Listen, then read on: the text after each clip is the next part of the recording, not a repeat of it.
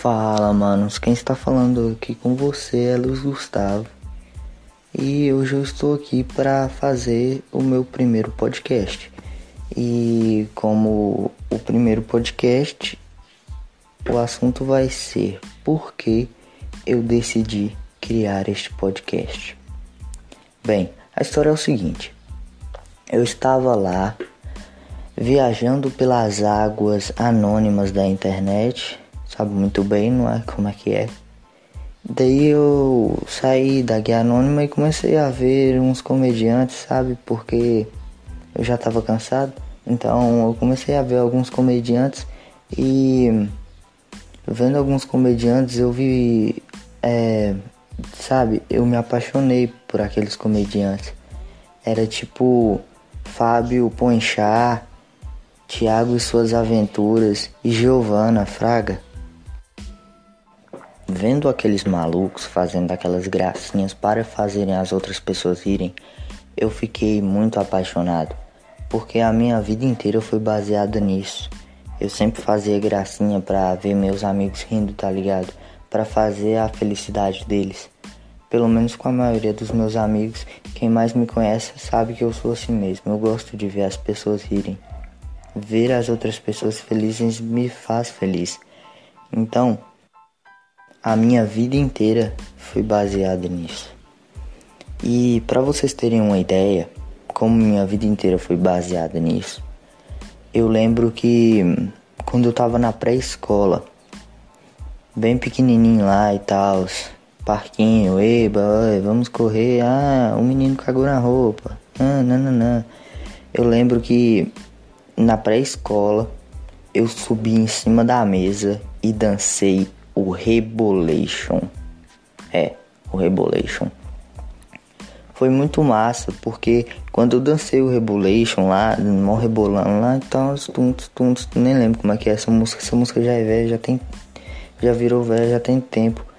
Então, quando eu dancei o Rebolation, as pessoas ficaram muito felizes, eu fiz elas rirem, entendeu? E vendo aquelas pessoas rirem, a, a, sala inteira rir de mim por causa que eu tava dançando o Rebolation, tipo, me fez ficar muito feliz. E eu lembro que naquele dia eu fiquei tão feliz, mas tão feliz de ter dançado Rebolation para todo mundo ver todo mundo rir. Eu fiquei tão feliz que a professora me levou dançando para a diretoria. Nossa, chegou lá, a diretora, né, ligou pra mãe e tal, as mães foi lá me buscar lá no prezinho. E eu lembro que eu ainda tava tão feliz que eu vim aqui pra casa dançando também. E chegou aqui, dançou nós três, mano. Tipo, eu, minha mãe e o cinto dela. E nós ficamos dançando a noite inteira, noite inteirinha. E e depois de ter dançado desse tanto, eu lembro que eu só pude dançar de novo uma semana depois, porque eu tinha dançado tanto naquela noite que minhas canelas, minhas costas e o resto do meu corpo tudo ficou roxo. Porque eu e o cinto dela dançamos tanto que né, eu acabei ficando roxo. Aí depois disso eu parei de dançar, né? Eu também lembro há pouco tempo, não vou falar pouco tempo porque não tem pouco tempo, já tem alguns anos. Mas quem me conhece sabe que eu criei um canal no YouTube aleatório aí pra tipo, ah, criança, sabe? E eu queria compartilhar uns negócios muito doidos naquele canal. Então, para fazer as pessoas rirem, eu fiz uma música. Não, eu não fiz uma paródia eu criei a música. Eu escolhi uma, um toque, escrevi a letra e criei a música. Foi muito massa. Quem me conhece lembra. E essa música era um rap, hip hop, muito doido, com a letra muito louca. Todo mundo amou aquela música, todo mundo riu de mim. E eu sinto vergonha disso porque olha só o nome da música. Tô com fome. Tô com fome. Eu lembro até a letra dessa música. logicamente não vou contar aqui. Mas minha vida inteira foi baseada nisso. Eu passava vergonha para fazer os, os povo rir, tá ligado? Para fazer quem tava ao meu redor rir. E eu gosto muito de fazer isso, porque ver o sorriso no rosto de alguém por uma coisa que você fez é muito bom. E eu acho essa sensação muito boa. Fora o tanto de palhaçada que eu faço na rua para fazer as outras pessoas irem. Tipo, eu e mó galera indo pro centro, indo comer um lanche, indo pro cinema. E eu fico fazendo palhaçada para essas pessoas rirem de mim, entendeu? Eu acho isso muito massa. E ouvir uma pessoa dizendo que eu sou a pessoa mais engraçada que ela conhece é muito bom para mim. Eu me sinto muito feliz. E ver esses malucos tudo fazendo gracinha para fazer outras pessoas rirem me inspirou bastante no meu futuro, entendeu? Fez eu parar para pensar no que que eu vou fazer, qual profissão eu vou decidir, né? E parando para pensar aqui, eu analisei todos os meus fechos, posso dizer assim, né? Todos os meus fechos, a melhor profissão para mim seria palhaço. Por quê, manos? Palhaço. Tipo, combina tudo comigo, sabe? Eu sou o palhaço da turma. Eu. Eu já sou feio. Faço palhaçada demais. O povo fala que a minha palhaçada aqui é a melhor palha assada de todo o bairro. Então, se eu já sou feio, faço muita palhaçada. A única coisa que falta pra mim é a maquiagem.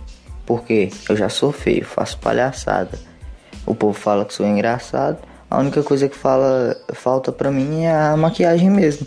E isso é fácil de resolver. Mãe tem umas maquiagens ali que ela compra lá no camelô de dois real. E minha avó faz beiju ali embaixo, né? Tapioca. Então, ah, eu só ir lá pegar a farinha da tapioca, tacar na cara, pegar uns trem vermelho ali dos, de dois real de mãe e, e pintar assim os olhos e beleza, tá pronto, eu sou o palhaço perfeito. Eu só não sei se eles iam deixar eu vender minha palhaçada no circo, porque, ah mano, se tem churrasco, né, no, no espeto, eles devem deixar eu vender minha palhaçada. Qualquer coisa eu arrumo aqui uns espetos, né, e coloco a palha e aço lá de boa. Aí eu vendo lá no circo, como se fosse o churrasco, né? O espetinho. Agora, sem brincadeira, ser comediante seria um sonho para mim. Porque seria tudo que eu gosto de fazer em um só, entendeu?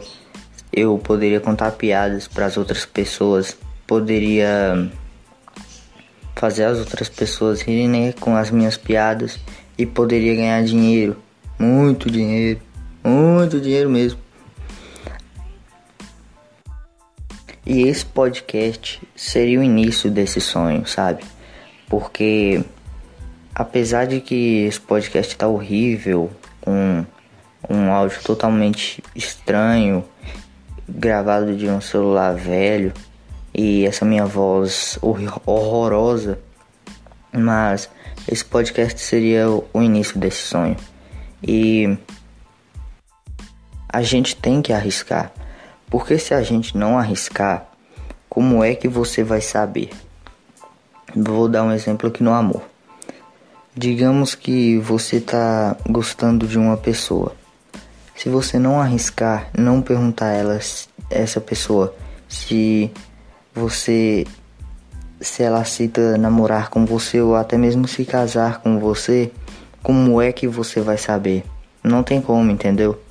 Ela não vai virar para você e vai te falar se ela se ela não quiser. Então você tem que que arriscar.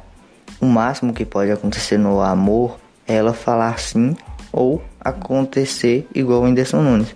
Ou ela fala sim e tá na dúvida, aí acontece o que aconteceu com o Whindersson Nunes, ou ela fala não, ou ela fala sim e esse sonho se realiza. Então eu estou criando esse podcast para isso, vai que isso um dia se torne realidade, entendeu? Por isso eu tô criando isso. Você pode até começar na dúvida, mas quem sabe dá certo. Igual mesmo agora, eu estou começando na dúvida. Estou aqui com os passarinhos cantando ali, um cara com a furadeira aqui atrás de mim. Então, eu tenho que testar, entendeu? Se isso aqui ficar bom, eu vou continuar, eu vou continuar escrevendo roteiro para isso aqui, porque isso aqui tem um roteiro sim, eu trabalhei nisso aqui.